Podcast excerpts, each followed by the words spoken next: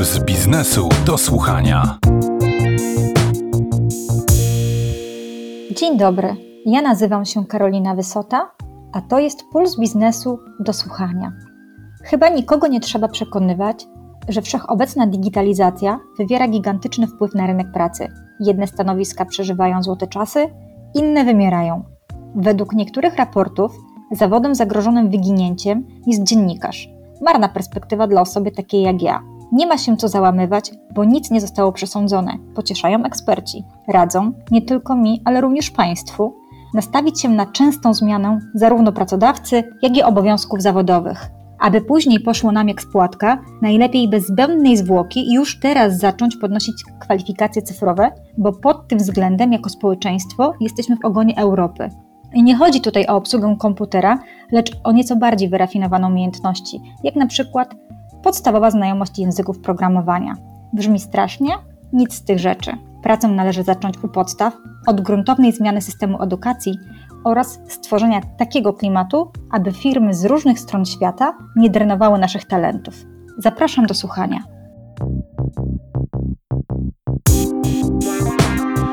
Puls biznesu do słuchania. O tym, co musimy zrobić, aby nadrobić gigantyczne zaległości względem reszty Europy, opowie doktor habilitowana Katarzyna Śledziewska, profesor Uniwersytetu Warszawskiego, która od 2014 roku prowadzi eksperymentalny program badawczy DLab OW dotyczący gospodarki i społeczeństwa cyfrowego. Zacznijmy od wyjaśnienia, jak na kanwie tej transformacji ewoluują zawody.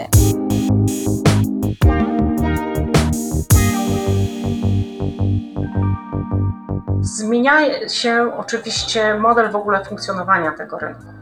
I to można powiedzieć, że on się zmienia w takich trzech obszarach. Po pierwsze, zmieniają się zadania, które my wykonujemy jako pracownicy, ponieważ nasze środowisko pracy staje się coraz bardziej ucyfrowione. Częściowo znikają pewne zawody i pojawiają się nowe, ale też tworzą się nowe formy w ogóle zatrudnienia. Czyli po pierwsze, nowy sposób wykonywania naszych zadań, po drugie, zmiana tych zawodów, w sensie znikanie i pojawianie się nowych, a trzeci w ogóle nowy sposób budowania kontraktu pomiędzy pracownikami czy dostarczycielami usług, to już czasami to jest wymienne, a tymi, którzy potrzebują tej pracy, czyli pracodawcy, czy też tymi, którymi, do których my dostarczamy różnych usług. A czy mogłaby Pani podać nam jakieś przykłady, jakie to są zawody, jakie zawody znikają, jakie się pojawiają i jak wyglądają te nowe sposoby współpracy między pracodawcą a pracownikiem? Przede wszystkim zacznijmy od tego, w jaki sposób algorytmy czy roboty, automatyzacja pracy zmienia zadania, które są wykonywane właśnie przez nas jako pracowników. Można powiedzieć, że tak. Z jednej strony będziemy mieli do czynienia z takimi aktywnościami, które zostaną i te zadania, które zostaną, będą wykonywane tylko i wyłącznie przez ludzi Czyli to są wszystkie nierutynowe zadania, zarówno fizyczne, jak i kognitywne, czyli umysłowe, których po prostu nie da rady jeszcze wprowadzić sztucznej inteligencji czy algorytmów, czy nie będzie można jej, albo też nie będziemy chcieli je wprowadzić, dlatego że będziemy chcieli doświadczać przebywania ze sobą, budowania relacji. I mm, to są wszystkie te zawody, w których ważna jest nasza kreatywność, krytyczne myślenie, zarządzanie ludźmi, przedsiębiorczość, w ogóle budowania tej współpracy z innymi i budowania naszych relacji. I tam będzie człowiek tam najważniejszy będzie człowiek. I te zadania, czy te zawody, w których my zostajemy, no to są na przykład artyści, to są y, nauczyciele, to są też, no, mam nadzieję, lekarze, to są wszystkie te zawody, gdzie ważne jest doświadczenie i ludzie jako tacy. I oczywiście w tych zawodach będziemy mieli do czynienia z nowymi, innowacyjnymi technologiami, z nowymi usługami cyfrowymi, które będą jakoś tam się przeplatać i będą wspierać gdyby tutaj ludzi w ich pracy. Jak w przyszłości będzie wyglądać bezrobocie? Komu może ono zagrażać?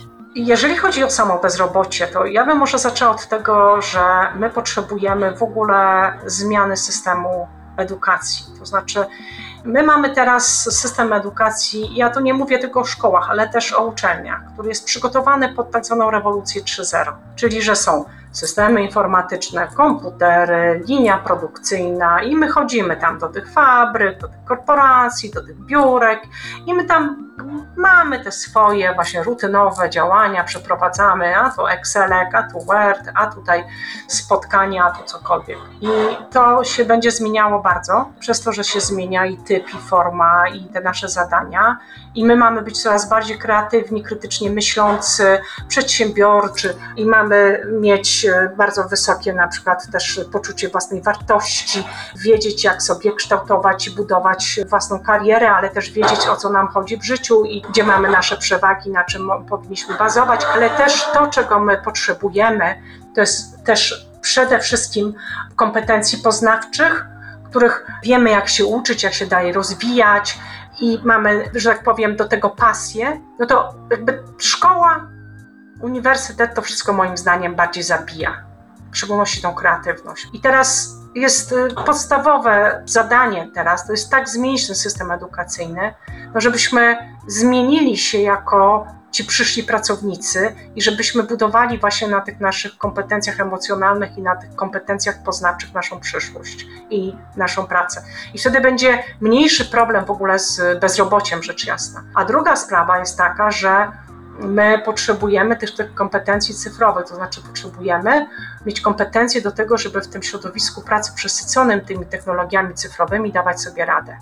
I tu nie chodzi o to, że my mamy mieć programistów. My wszyscy, ja jako naukowiec, pani jako dziennikarka, czy w ogóle wszyscy mamy mieć wysokie kompetencje cyfrowe, które nie polegają na tym, że my wiemy, jak przesłać plik, albo otworzyć komputer, albo napisać tekst w Wordzie, tylko faktycznie za pośrednictwem tych cyfrowych narzędzi rozwiązywać różnego rodzaju problemy i kreatywnie wykonywać swoje zadania, ale też co jest ważne, jeżeli my mamy za chwileczkę mieć wszędzie wprowadzane różne systemy oparte o sztuczną inteligencję, czyli o te inteligentne algorytmy, to my potrzebujemy wszyscy tak naprawdę mieć podstawy z programowania, wiedzieć o co chodzi, wiedzieć, że jeżeli coś się dzieje z tym programem, to kiedy, gdzie on ma jakieś błędy, dlaczego powinniśmy krytycznie podchodzić do niego i w jaki sposób w ogóle zaplanować wdrażanie tych inteligentnych systemów do naszego codziennego życia zawodowego zawodowego czy też prywatnego.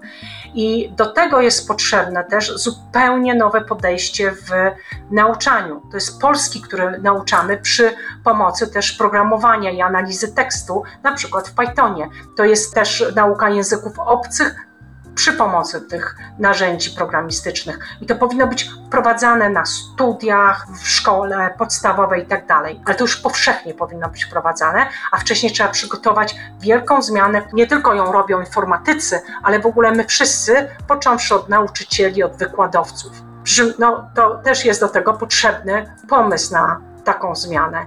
A jak Pani ocenia te kompetencje w tej chwili? My mamy je na wysokim, niskim poziomie. Ja nie muszę ich oceniać, ja wiem, jakie one są. To znaczy, jeżeli chodzi o te e, pracowników fizycznych i umysłowych i kompetencje ponadpodstawowe, cyfrowe, no to my jesteśmy w Unii Europejskiej na 22 miejscu, jeżeli chodzi o pracowników fizycznych.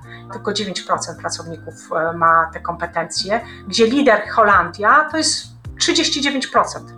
A jeżeli chodzi o pracowników umysłowych, no to jest ich więcej, bo w Polsce jest 37% pracowników umysłowych, którzy mają ponadpodstawowe kompetencje i jesteśmy 25 w e, Unii Europejskiej. No, czyli to jest właściwie ogon Europy, bo lider dajmy na to, my mamy 37% pracowników y, umysłowych, którzy mają ponadpodstawowe kompetencje cyfrowe, a lider, czyli Finlandia, ma 65%.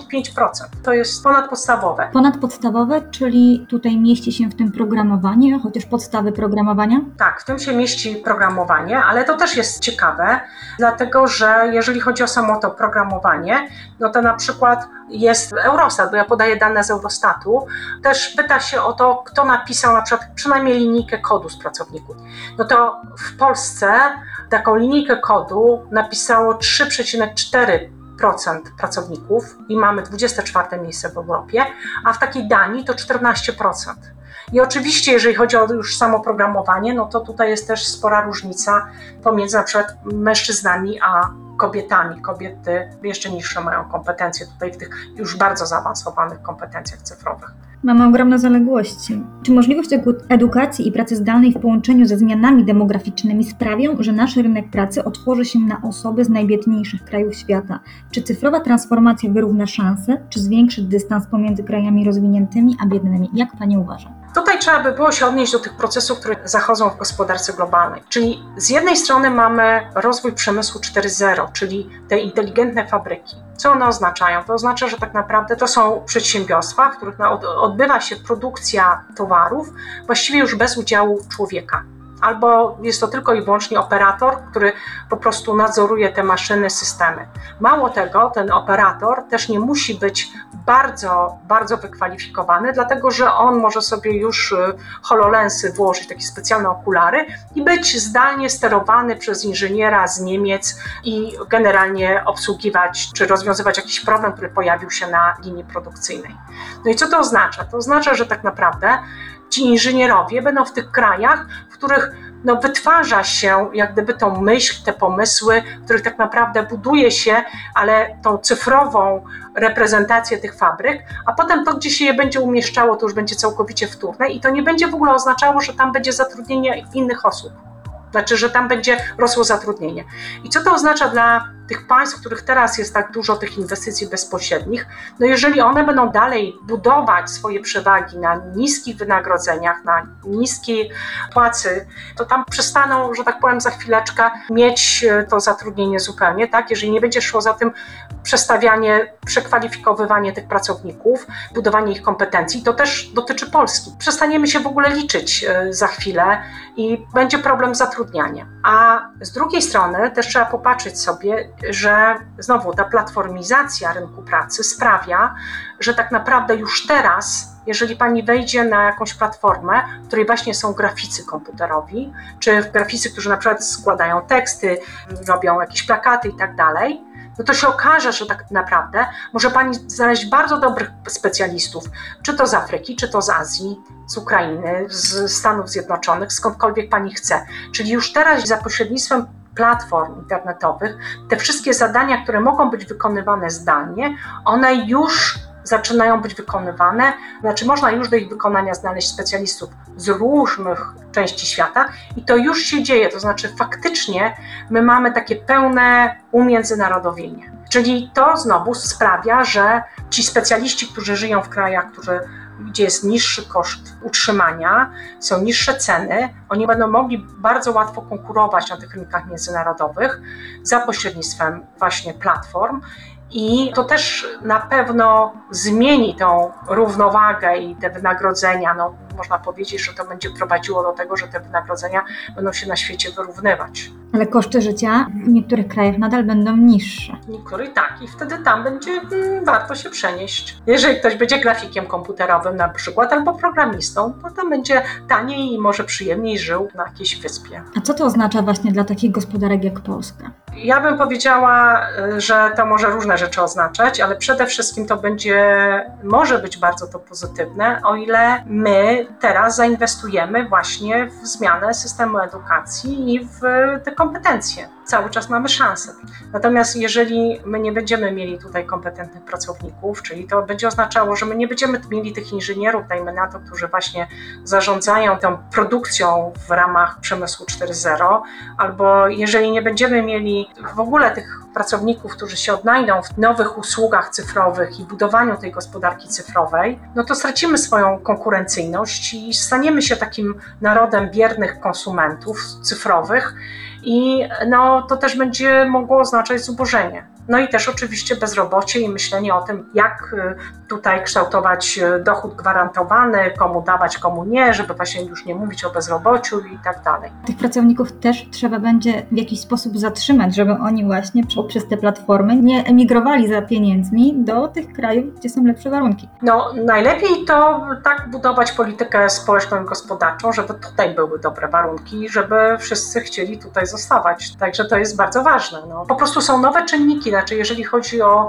te polityki gospodarcze, no to mamy teraz przez rozwój technologiczny, no to mamy do czynienia właśnie z nowymi wyzwaniami, z nowymi determinantami, tak? No to można do tego się dostosować, kształtując tą politykę. Wystarczy wiedza również u osób, które zarządzają nie tylko biznesem, nie tylko firmami, ale również państwem. I tego nam życzę. Moim i Państwa gościem była doktor habilitowana Katarzyna Śledziewska, profesor Uniwersytetu Warszawskiego. Dziękuję za rozmowę.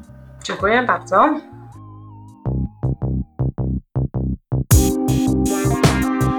Puls biznesu do słuchania. Kolejną rozmówczynią jest łowczyni talentów, pani Monika Hrniszyn, dyrektor zarządzająca firmą Randstad Reisbart. Opowie o tym, jakich umiejętności pożądają pracodawcy, a także gdzie da się zarobić dobrze poza branżą IT, która przeżywa czasy świetności. Na początek zastanówmy się jednak nad tym, czy warto zafundować sobie kurs programowania oraz czy IT grozi przesyć.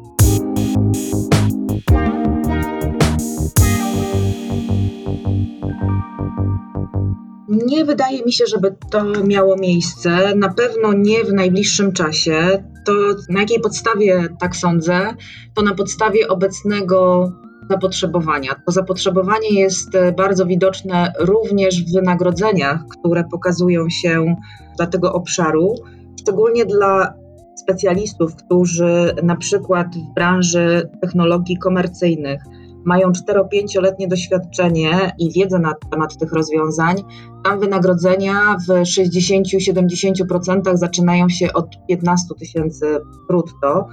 Więc to, o czym myślę, to będzie ciągłe zapotrzebowanie przy idącej daleko automatyzacji i digitalizacji przedsiębiorstw, którą COVID nam bardzo przyspieszył, ale ona będzie cały czas działać.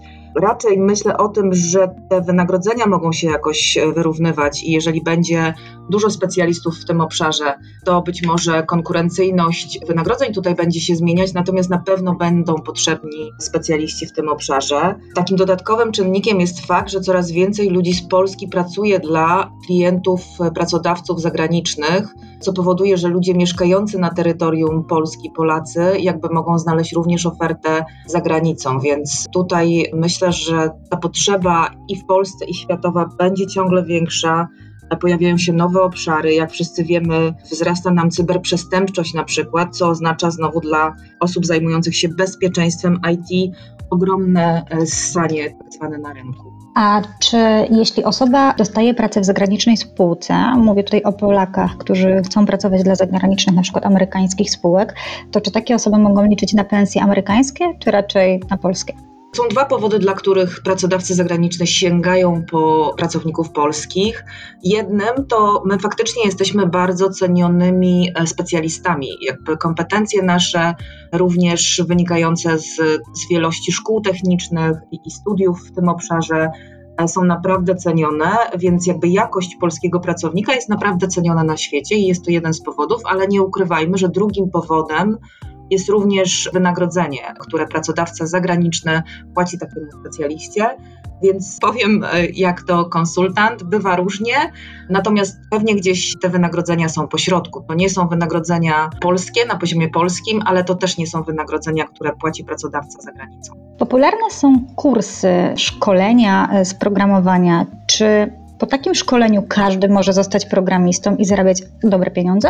Jest faktycznie wiele kursów w Polsce oferowanych. One się też bardzo różnią od takich kursów, które jakby trwają trzy miesiące i uczą podstawowych umiejętności, do takich kursów, które trwają rok i po których dana firma szkoleniowa oferuje, czy też wręcz gwarantuje zatrudnienie u pracodawców. Więc e, znowu odpowiem, to trochę zależy.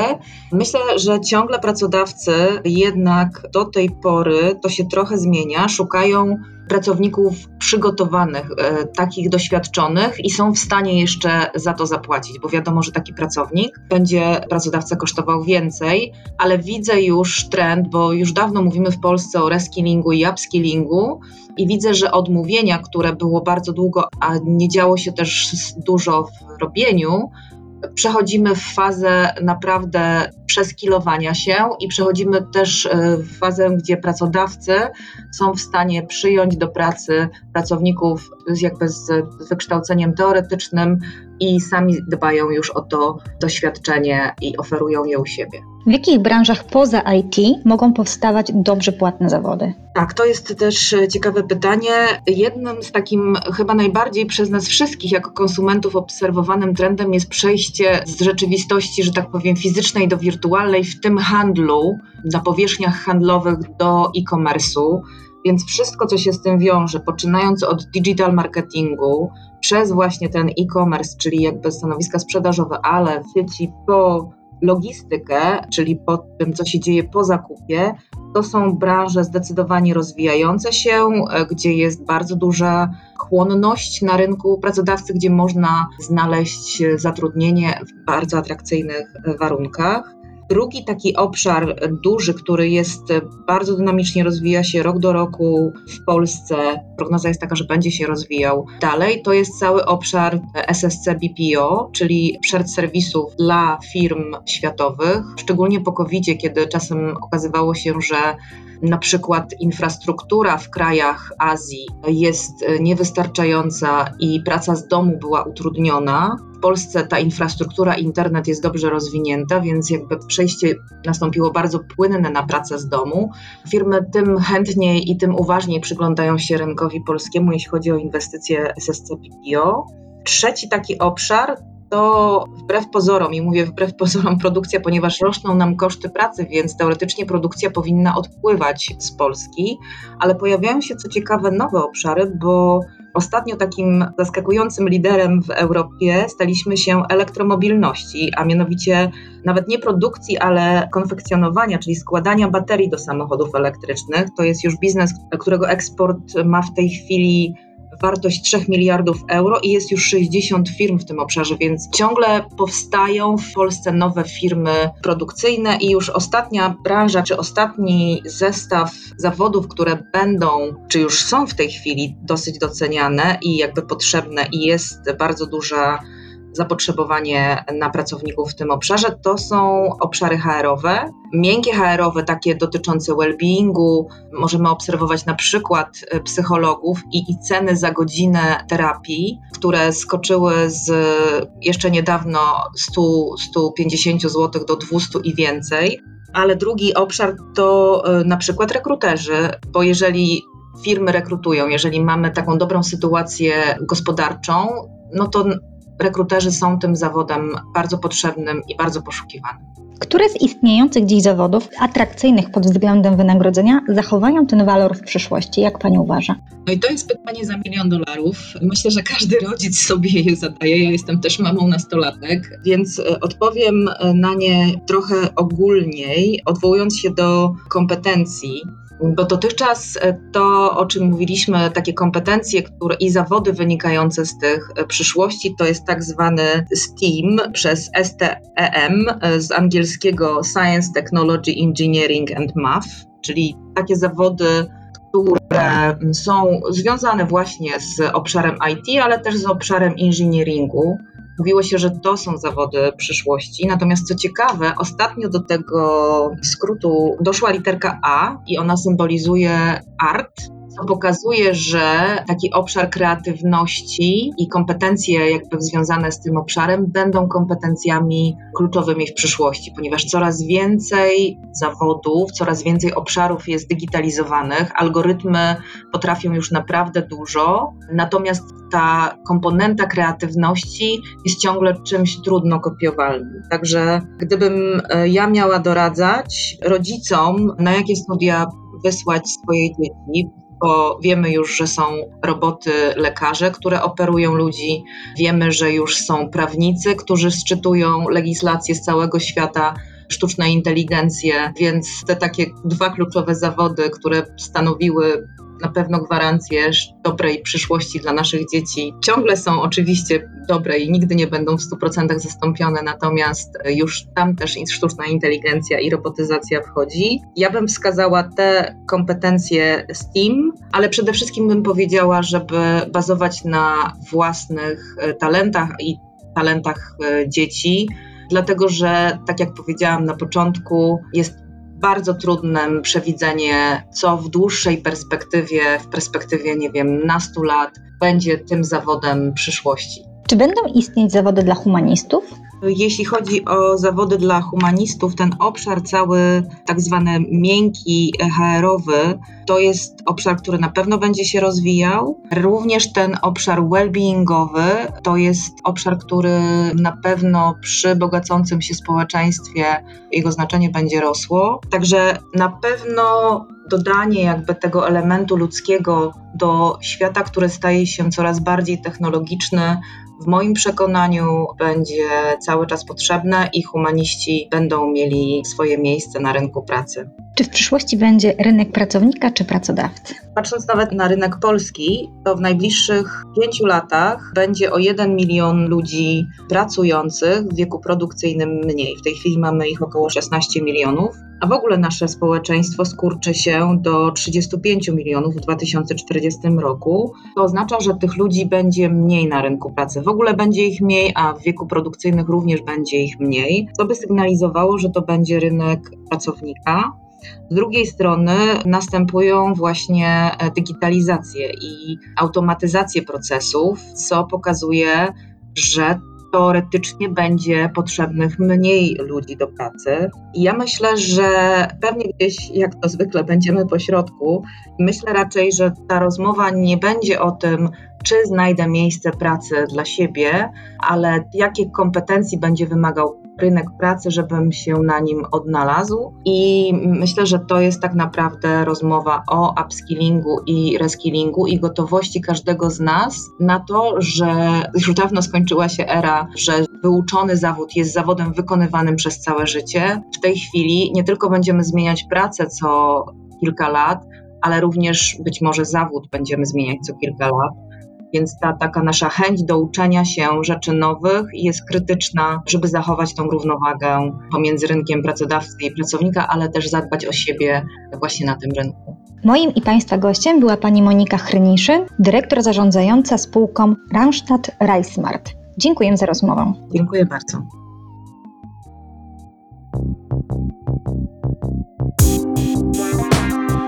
Puls biznesu do słuchania. Wielu młodych ludzi marzy o zostaniu internetowym celebrytą, przykład youtuberem lub tiktokerem.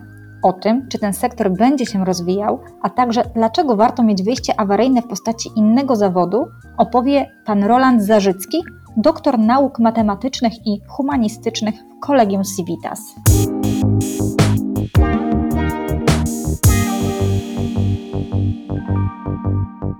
Rzeczywiście, to jest bardzo prężnie rozwijający się obszar. Dużo młodych ludzi widzi w tym szansę dla siebie, widzi w tym potencjał. Rzeczywiście w tym całym środowisku pojawiły się też gigantyczne pieniądze, co prowadzi do różnego typu też napięć, dlatego że często ludzie, nawet niepełnoletni, ale też bardzo młodzi, po prostu zarabiają gigantyczne pieniądze. A z perspektywy powiedzmy innych osób, które budowały karierę przez 20-30 lat, zdobywając swoje kompetencje, budzi to pewnego rodzaju też frustrację. Jak to jest możliwe? Ten świat jest niesprawiedliwy sprawiedliwy, że można tak szybko zarabiać tak duże pieniądze, nie mając żadnych specjalnych kompetencji.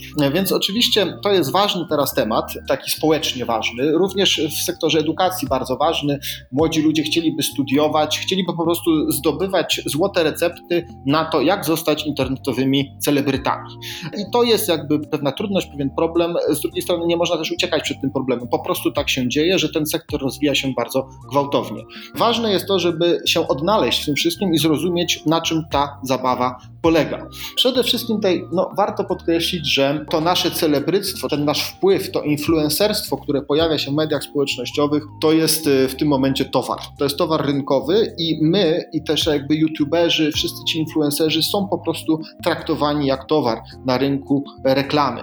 Kiedyś być może jeszcze na początku y, internetu, początków mediów społecznościowych to było dosyć spontaniczne, y, takie można powiedzieć wolne, nieskrępowane. Każdy mógł po prostu działać w tej przestrzeni, wyrazić swoją opinię, swoje stanowisko, mieć wpływ, co było, można powiedzieć, takie wzniosłe. Ale dzisiaj te czasy już minęły. Dzisiaj ta przestrzeń jest bardzo mocno zagospodarowana w sposób profesjonalny. To znaczy, po pierwsze, są profesjonalne firmy, które po prostu handlują w tym obszarze, które traktują youtuberów czy influencerów jak konie, które kupują do swojej stajni i zarządzają tym wszystkim, zarządzają ruchem na kanałach internetowych, oferują po prostu kontrakty czysto handlowe różnym podmiotom, różnym youtuberom. I ten obszar stał się tak mocno już sprofesjonalizowany i uporządkowany, że coraz ciężej jest o y, takie freelancerstwo w tym obszarze, dlatego że jeżeli człowiek nie ma tego wsparcia instytucjonalnego, jeżeli nie stoją za nim potężne machiny promocyjne, to jest mu bardzo trudno się przebić i będzie coraz trudniej. To znaczy, wciąż jeszcze jest to być może jakoś możliwe, ale jest to coraz trudniejsze. To jest jeden element, na który warto zwrócić uwagę. Po drugie, oczywiście te firmy i cała ta branża, można powiedzieć, zajmująca się IT, ale też sztuczną inteligencją, znowu pracuje także nad tym, aby sztuczna inteligencja czy robotyzacja też w pewnym sensie mogła wspierać ten obszar. To znaczy, być może doczekamy się takich cyfrowych youtuberów, cyfrowych postaci. Zresztą już się pojawiają, tak? Tylko mówię takich pełnowymiarowych, którzy będą w stanie naprawdę konkurować konkurować z ludzkimi youtuberami, influencerami. I jeszcze jedna obserwacja ważna, wydaje mi się, w tym kontekście, to to, że my oczywiście obserwujemy w tym świecie mediów społecznościowych czy na YouTubie przede wszystkim tych, którzy odnieśli sukces. No to jakby dzieje się siłą rzeczy po prostu, bo jeżeli ktoś nie odniósł sukcesu, to go nie dostrzeżemy. Natomiast e, to jest tak jak na przykład z wielkimi gwiazdami piłki nożnej. Obserwujemy e, Lewandowskiego, Messiego, Ronaldo, którzy zarabiają gigantyczne pieniądze, ale nie obserwujemy olbrzymiej liczby piłkarzy, piłkarzy, którzy grają w podrzędnych ligach, nigdy nie odnieśli sukcesu, nie zarobili żadnych znaczących pieniędzy. W najlepszym razie traktują to jako po prostu zwykły, przyziemny zawód. I tak samo jest tutaj. To znaczy, wszyscy chcieliby być e, wybitnymi youtuberami, zarabiać krocie, ale tak nie jest.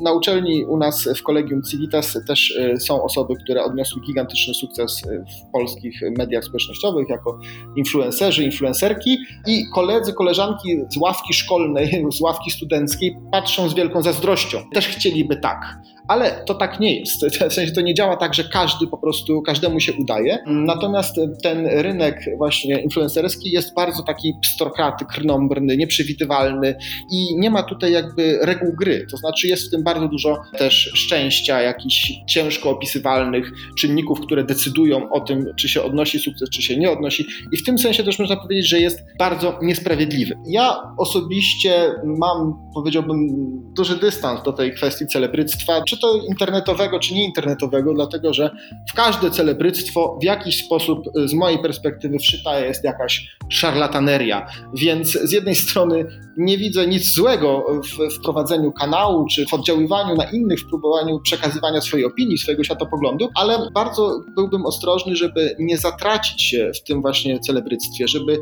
nie stać się zakładnikiem własnej sławy, żeby w pewnym sensie nie sprzedawać samego siebie po to, będąc uzależnionym od tych tam lajków, czy głosów, czy ilości followersów, więc wszystko jakby jest ok, jeżeli robi się to z umiarem i w tym sensie też jakby wydaje mi się, że oprócz tego, że fajnie być e, wpływową osobą w mediach społecznościowych, to dobrze mieć też jakiś porządny, zwyczajny w cudzysłowie zawód, który pozwoli jakby trzymać jednak chociaż jedną nogę na ziemi i mieć do czego wrócić, mieć do czego wrócić do czegoś realnego, namacalnego, dającego satysfakcję, nawet wtedy, kiedy fortuna się obróci i ludzie przestaną nas followować w mediach społecznościowych. Czy za sprawą cyfrowej rewolucji zmieniamy się jako ludzie? Czy wciąż mamy takie same potrzeby, tylko zaspokajamy je w inny sposób? Wydaje mi się, że źródło tej trudności polega na tym, że e, żyjemy, jak to zresztą często obserwuje się, w czasach dwóch prędkości, e, jakby na różny, w różnych sensach, ale co najmniej w takim sensie, że nasze ciała, nasza biologia ewoluuje stosunkowo wolno, natomiast nasza kultura, a w ślad za nią nasze umysły ewoluują bardzo szybko. Ta zmiana zachodzi bardzo szybko i to prowadzi do nieuniknionych tarć. To znaczy nasze ciało, nasza cielesność, nasza emocjonalność też silnie związana z naszą cielesnością, z naszą seksualnością, ma takie zwyczajne, tradycyjne, można powiedzieć, zwykłe, normalne, na różne sposoby można próbować to opisywać potrzeby, które się nie zmieniają, albo jeśli się zmieniają, to zmieniają się bardzo wolno. Natomiast świat cyfrowy pędzi do przodu. Żeby dać przykład, ilustrację tego, na czym może polegać trudność. Proszę zwrócić uwagę, że żyjąc w tradycyjnym, niecyfrowym społeczeństwie, w rzeczywistości, można powiedzieć, niewirtualnej, mamy znajomych mamy rodzinę, mamy przyjaciół, utrzymujemy jakieś relacje międzyludzkie i te relacje międzyludzkie wiążą się też z pewnymi oczekiwaniami. Na przykład pewnymi oczekiwaniami dotyczącymi tego, że poświęcamy innym ludziom uwagę, że obdarzamy ich czymś takim jak spojrzenie, obdarzamy czymś takim jak wysłuchanie ich problemów, obdarzamy ich czymś takim jak dotyk, jak przytulenie się, informacja zwrotna, której im udzielamy, rozmowa, nawet banalna na temat pogody, ale jednak rozmowa, interakcja. I jest z natury rzeczy, po prostu fizyka, materia, te czynniki takie bardzo twarde sprawiają, że nie możemy mieć w przestrzeni realnej zbyt dużo tych znajomych. Żeby specjalnie przesadzić, nie możemy mieć miliona znajomych, ponieważ nie będziemy w stanie podać im nawet y, się z nimi przywitać, nie będziemy w stanie się z nimi zainteresować, nie będziemy w stanie im podać ręki, bo po prostu czysto czasowo nawet, nawet przy najlepszych chęciach nie damy rady tego zrobić. Proszę zwrócić uwagę, że w świecie wirtualnym to wszystko staje się możliwe, pozornie możliwe, to znaczy możemy mieć mnóstwo przyjaciół, mnóstwo znajomych, mnóstwo followersów, mnóstwo interakcji, ale one nie wymykają się wcale, w sensie w ten sposób wcale nie wymykamy się tym rygorom czasu. To znaczy, my nie jesteśmy w stanie cyfrowo przyspieszyć naszych interakcji z ludźmi i obdarowywać ich w takich ilościach informacją zwrotną, przytuleniem, dotykiem, nawet w wersji cyfrowej. W związku z tym to rodzi pewnego typu frustrację oczekiwania, które nie są zaspokojone. Te relacje stają się, można powiedzieć, nienaturalne w sensie biologicznym i emocjonalnym i wiążą się z pewnymi kryzysami egzystencjalnymi, które popadamy. Zarówno ci, którzy są zaniedbani przez na przykład takich celebrytów czy influencerów, za którymi podążają i wydaje im się, że są w jakiejś relacji, ale jednak nie są w żadnej, dlatego że tamci nie są w stanie ich obdarować żadną uwagą, żadną atencją, żadnym dotykiem ani przytuleniem, a z drugiej strony ci, którzy są tymi na przykład influencerami, ci, ci którzy mają tak dużo przyjaciół pozornie wirtualnych, ostatecznie okazuje się i odnajdują siebie jako ludzie samotni. Więc tutaj widzimy przykład takiego napięcia pomiędzy właśnie tą naszą biologią a kulturą, między ciałem a, a umysłem. I w tym sensie można powiedzieć, no, e, tradycyjna piramida Maslowa pozostaje tradycyjną piramidą Maslowa. Mamy jakieś potrzeby, oczywiście zaspokajamy je. Im w lepszym, łatwiejszym, przyjaźniejszym środowisku żyjemy, tym te potrzeby są wyższego szczebla i tym trudniej nam je zaspokoić w pewnym sensie. Więc jesteśmy troszeczkę skazani na to, co wynika z naszej kondycji ludzkiej, i tutaj e, technologia w jakiś sposób nam pomaga, ale w pewnym sensie nam nie jest w stanie pomóc. Więc łatwiej nam pomaga na tych niższych piętrach piramidy Maslowa, ale im jesteśmy wyżej, tym jakby jest trochę jest jakby trudniej z, z tym, żeby ona nam zaspokoiła te nasze potrzeby. No i wreszcie to, o czym już mówiłem wcześniej trochę, czyli to, że wszystko to też podlega pewnym dźwigniom ekonomicznym, staje się towarem, więc także nasza cielesność, nasze potrzeby, nasza emocjonalność, nasza seksualność staje się towarem w wirtualnej przestrzeni. I to jest bardzo niebezpieczne zjawisko, dlatego że w tym momencie to już nawet nie jest tak, że my się zmagamy z tym napięciem pomiędzy cielesnością a umysłowością, kulturą a biologią, ale dzieje się tak, że manipulują tym osoby, które nie mówię, że to są jacyś źli ludzie, którzy to robią. Nie, po prostu tak działa rynek, że manipuluje nami po to, żeby generować coraz większe zyski. I my stajemy się tutaj troszeczkę zagubieni, jeszcze bardziej być może zagubieni w tym całym procesie. Technologia jest domeną ludzi młodych, a nasze społeczeństwo się starzeje. Jak pogodzić te dwie kwestie? Nasuwa się pytanie, czy trzeba godzić, czy jakby rzeczywiście potrzebujemy pogodzić te dwie kwestie. To pytanie rodzi różne pytania. Na przykład rodzi też pytanie, czy rzeczywiście technologia jest domeną ludzi młodych. To znaczy, oczywiście ja wiem, że wszystko na to wskazuje, ale powiedziałbym, że są wyjątki. Są wyjątki, kiedy osoby już jakby na przykład starsze, w starszym wieku, seniorzy, doskonale radzą sobie, nawet powiedział, użyłbym tego słowa, doskonale radzą sobie z technologią, co można uznać za dowód tego, że to, że inni seniorzy sobie nie radzą, nie wynika z tego, że nie mają możliwości poradzenia sobie z tym, ale że wynika to z innych czynników. Na przykład z obawy przed zmianą, z wyjściem poza strefę komfortu, z niechęcią do tego, żeby nauczyć się czegoś nowego, zmienić swoje zwyczaje, ale też być może na przykład z braku jakiejś motywacji do tego, żeby to robić, bo może ludzie dochodzą do wniosku, że są ciekawsze, ważniejsze rzeczy w życiu niż opanowywanie coraz nowszych technologii. Że możemy na przykład uprawiać ogródek i to jest na przykład sens, sens, sens życia i po co nam te nowe technologie. Więc to jakby sprawa jest złożona, ale na pewno chciałbym podkreślić, że chyba nie warto jest jakby przesądzać sprawy, że, że technologia jest tylko domeną ludzi młodych. Być może właśnie jest tak, że ludzie młodzi są mniej krytyczni w tym. W, w tym sensie jakby wpadają w tą technologię, chłoną ją, pasjonują się nią, dlatego że nie mają do niej dystansu. Natomiast osoby starsze, mając pewien dystans, widzą, że z tą technologią też jest różnie. To znaczy, ona jest troszeczkę taka jak ten rycerz bez głowy. Pędzimy do przodu, jest świetnie, tylko pojawia się w którymś momencie pytanie, po co? Czy rzeczywiście wszystkie te elementy tej technologii są nam przydatne? Czy jesteśmy w stanie je wykorzystywać w sensowny, pożyteczny sposób? Czy też może są to jakieś miraże, za którymi gonimy i tracimy jakby na to czas, wartościowy czas zarówno w życiu jednostek, indywiduów, jak i cywilizacyjnie jakiś czas, kiedy uganiamy się za, za jakimiś tam technologiami, które mają nam pozwolić, nie wiem, dolecieć na Marsa, tylko po co? To jest oczywiście to pytanie. Czy nie mamy jakichś ważniejszych rzeczy, problemów, trudności do rozwiązania na Ziemi, jak na przykład nie wiem, niedożywienie, głód, albo problemy egzystencjalne, sens życia, niedostatki miłości, których doświadczamy na, na świecie? Czy jakby to nie są rzeczy ważniejsze niż to, żeby dolecieć na Marsa? To jest jakby oczywiście pytanie, które warto sobie postawić, wydaje mi się, a być może w młodym wieku trudniej jest dostrzec te rzeczy. Moim i Państwa gościem był pan Roland Zarzycki, doktor nauk matematycznych oraz humanistycznych w Kolegium Civitas. Dziękuję za rozmowę. Bardzo dziękuję.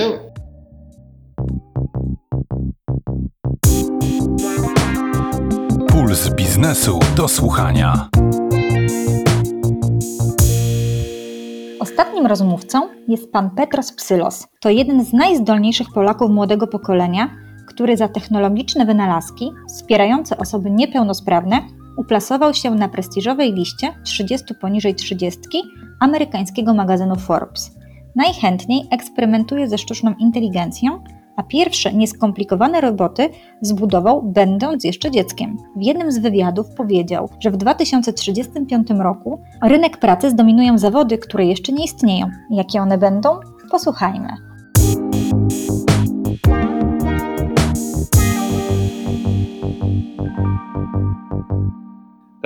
Powołałem się wtedy na jeden z raportów, które analizowały sytuację rynku przyszłości. Oczywiście dużo jest alternatywnych raportów, które w zupełnie innym świetle to przedstawiają, ale nie ulega żadnym wątpliwościom, że automatyzacja cały czas postępuje. Roboty pojawiły się w latach 70. ubiegłego wieku w fabrykach na początku i okazało się, że są wydajniejsze, szybsze, nie męczą się, nie potrzebują zwolnień, nie mają kaca po weekendzie, robią to, co chcemy, nie buntują się, mogą w trudnych warunkach pracować i są tańsze w utrzymaniu, tak w przeliczeniu na to, ile, ile za pracownika musielibyśmy zapłacić. No ale okazało się, że człowiekowi było mało i już te fabryki dawno te roboty opuściły. Już nie tylko w fabrykach są stosowane, bo są wykorzystywane do automatyzacji zadań umysłowych. Już to nie jest montowanie samochodów, do czego głównie kiedyś te roboty się wykorzystywało, ale też zastępowanie, automatyzowanie pewnych prac umysłowych, a to czyta się bardzo często nawet o polskich startupach, które automatyzują pracę księgowych, a to się czyta o innych startupach, które automatyzują na przykład kontrolę dokumentów w urzędach różnych, piszą artykuły podsumowujące rozgrywki sportowe, różne jakieś tam rzeczy umieszczają w internecie, no takimi bardziej wyrafinowanymi czynnościami się zajmują. Zastępują lekarzy pomału w diagnostyce. I ten ocean, a właściwie poziom wody pod tytułem sztuczna inteligencja cały czas się podnosi. Jeżeli wyobrazimy sobie krajobraz ludzkich kompetencji, no to zawsze było tak, że te takie właśnie umysłowe czynności, które człowiek wykonuje bez żadnych problemów, znajdowały się na szczytach gór. I jeszcze nie tak dawno naukowcy twierdzili, że te komputery nigdy tych e, szczytów, ta woda pod tytułem sztuczna inteligencja nie dosięgnie. Komputery mogą te szachy, warcaby wygrywać, ale nigdy nie będą pisały powieści, które dostaną się do finałów konkursów literackich albo nie będą zastępowały pracy lekarza, ale no nic bardziej mylnego, bo sztuczna inteligencja e, cały czas się rozwija i już ten krajobraz jest w ponad połowie zalany i zalewa się coraz szybciej. To krytycznie historycy zawsze mówili, że komputery nie będą kreatywne, nie będą pisały opowiadań, tłumaczyły pomiędzy językami różnymi, bo tam jest dużo niejednoznaczności w takich tłumaczeniach i dużo na przykład związków jakichś fryzjologicznych i to trudno przetłumaczyć. No dzisiaj, jak wklepiemy nawet z takimi metaforycznymi sformułowaniami albo związkami frazeologicznymi, różnymi idiomami, tekst do tłumacza pewnej znanej firmy, no to bardzo dobre efekty na wyjściu otrzymujemy. Jeszcze 10 lat temu oczywiście to nie było doskonałe, dzisiaj poszło bardzo do przodu. Pojawiały się komputery, które w teleturniejach Wabank wygrywają, w debatach oksfordzkich, które zastępują radiologów, a właściwie na razie jeszcze pomagają radiologom, bo jeszcze nie zastąpiły, bo jeszcze cały czas ten człowiek musi być w tym procesie decyzyjnym. Ale jeżeli okaże się za jakiś czas ponad wszelką wątpliwość, że te roboty są bardziej skuteczne, mniej się mylą niż ludzie, no to ten udział ludzki zostanie zmniejszony. Jeżeli chodzi o ten rynek robotów, ostatnio takie ciekawe raporty analizowałem. Okazuje się, że przez ostatnie 10 lat zatrudnienie robotów wzrosło aż o 72% i to w krajach takich jak Japonia jest głównie widoczne, Niemcy. I dlatego my czasami nie doceniamy tych zmian, bo jesteśmy gdzieś tam w takiej dolinie cywilizacyjnej i nie widzimy tego, ale w takich rozwiniętych krajach, bardzo rozwiniętych, no to ta automatyzacja no, bardzo postępuje.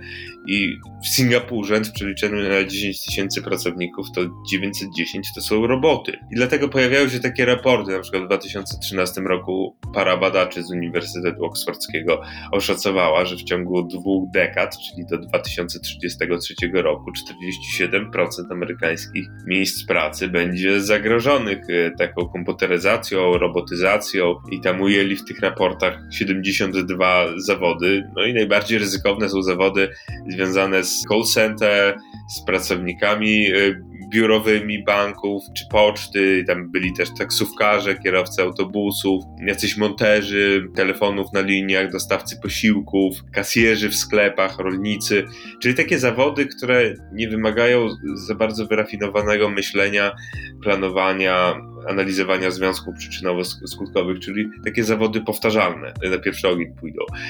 Później, no to kolejne będą automatyzowane, tylko jest pewne zagrożenie, bo jeżeli mówi się, że 83% pracowników, jeżeli chodzi o te właśnie słabsze, takie prostsze zawody, straci pracę, no to pojawia się pytanie, co będą te osoby robiły. No bo to nie jest tak, że znajdą zatrudnienie w tych zawodach, które dopiero powstaną i że te zawody będą miały na tyle dużą pojemność, że, że przyjmą te wszystkie osoby. Bo gdy spojrzymy na Stany Zjednoczone, no to okazuje się, że w Stanach Zjednoczonych zdecydowana większość zawodów to te, które istniały już 100 lat temu. I gdy posortujemy te wszystkie zawody ze względu na miejsca pracy, to dopiero na 21 miejscu są programiści, czyli ten nowy zawód, który powstał dzięki komputeryzacji. I ci programiści to stanowią poniżej 1% w Stanach, a większość pracowników to jednak no, kierowcy różnego rodzaju, kierowcy ciężarówek, pracownicy handlu, sprzedawcy,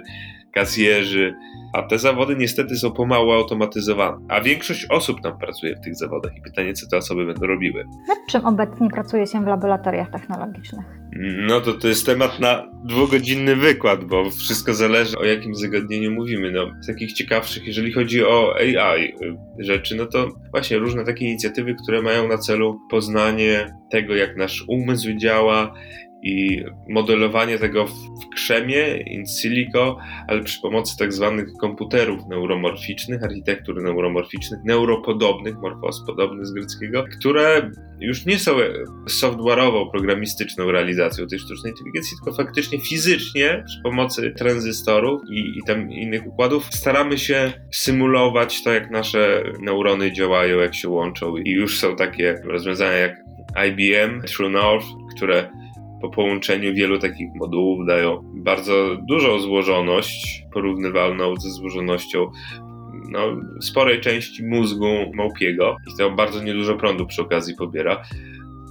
Z takich ciekawych rzeczy ostatnio pojawił się e, taki duży procesor e, Cerebras. E, no i ten procesor może już obsługiwać modele sztucznej inteligencji zawierające 120 aż trylionów parametrów i to przewyższa 100 trylionów synaps obecnych w naszych mózgach już. a w porównaniu do tego, co obecnie mieliśmy, no to 120 razy przewyższa to pod względem liczby parametrów. Jeszcze oczywiście to jest pewne uproszczenie, bo trudno jest zasymulować w szczegółach, jak te nasze neurony działają, ale już osiągnęliśmy złożoność przewyższającą złożoność pod tym ograniczonym względem, prawda? Przekraczającą złożoność naszego mózgu. Także to jest bardzo duże osiągnięcie i to rośnie wykładniczo cały czas, bo my myślimy liniowo. To wszystko, co, co się dzieje w świecie technologii, rośnie wykładniczo, czyli no bardzo szybko no, krzywa wykładnicza pnie się mocno do góry i w ciągu Obecnie dwóch lat więcej się dzieje niż kiedyś w ciągu 10, a jeszcze dawniej w ciągu 50 lub 100 lat. Także no nie powinniśmy wątpić, że za, za jakiś czas ta technologia drastycznie przekształci nasze życie. Tylko, że ta silna sztuczna inteligencja koniecznie w tym 2025, 2029, a według niektórych w 2045 roku się pojawi, nie wiadomo. A oczywiście jeszcze tak nawiązując do tego pytania, jeżeli chodzi o świat, no to nanotechnologiami intensywnie się pracuje, nad biotechnologiami, tam też pomaga sztuczna inteligencja, po to, żeby odwrócić nasze procesy starzenia się, bo to jest jednak cały czas nierozwiązywalny problem. Nie wiemy za bardzo, jak w dłuższej perspektywie ta taka immortalizacja mogłaby wyglądać, bo jednak do naszego mózgu będziemy mogli wymienić różne, tak jak w, czy pan istnieje Mr. Jones Stanisława, ale ma różne części ciała i tu się pracuje osobno nad sztucznymi wątrobami, sztucznymi nerkami, sercami, tylko no nie wymienimy koniec końców naszego mózgu albo układ krwionośny, to będzie trudne, żeby wymienić. I tutaj prowadzi się też takie, takie prace, żeby na tym poziomie nanotechnologicznym, biotechnologicznym opóźnić procesy starzenia się naszych ciał a nawet odwrócić. Są tacy naukowcy jak Albi de Grey, którzy twierdzą, że, że już dzisiejsza technologia pozwoli żyć ludziom e, nawet i tysiąc lat. Na Harvardzie i na innych uniwersytetach prowadzi się takie badania. No i tutaj sztuczna inteligencja w odkrywaniu różnych rzeczy pomaga czy te wizje się spełnią i czy niedługo te nanoroboty, o których Ray Kurzweil w książce Nadchodzi Osobliwość pisał, będą wpuszczane do naszych żył i będą na bieżąco naprawiały różne uszkodzenia. A gdy już nie będzie się nic z naszymi ciałami zrobić dało, to czy będziemy mogli przegrać nasz mózg do pamięci komputerowej? Też nie wiadomo, no, trudno przewidzieć, bo rozwój naukowy ma to do siebie, że trudno go przewidzieć, bo czasami nieoczekiwane zwroty akcji się dzieją i się nagle wszystko wywraca do góry nogami. Serdecznie dziękuję za rozmowę. Moim i Państwa gościem był Pan Petros Psylos, innowator i przedsiębiorca. Bardzo dziękuję i niech moc sztucznej inteligencji będzie z Państwem.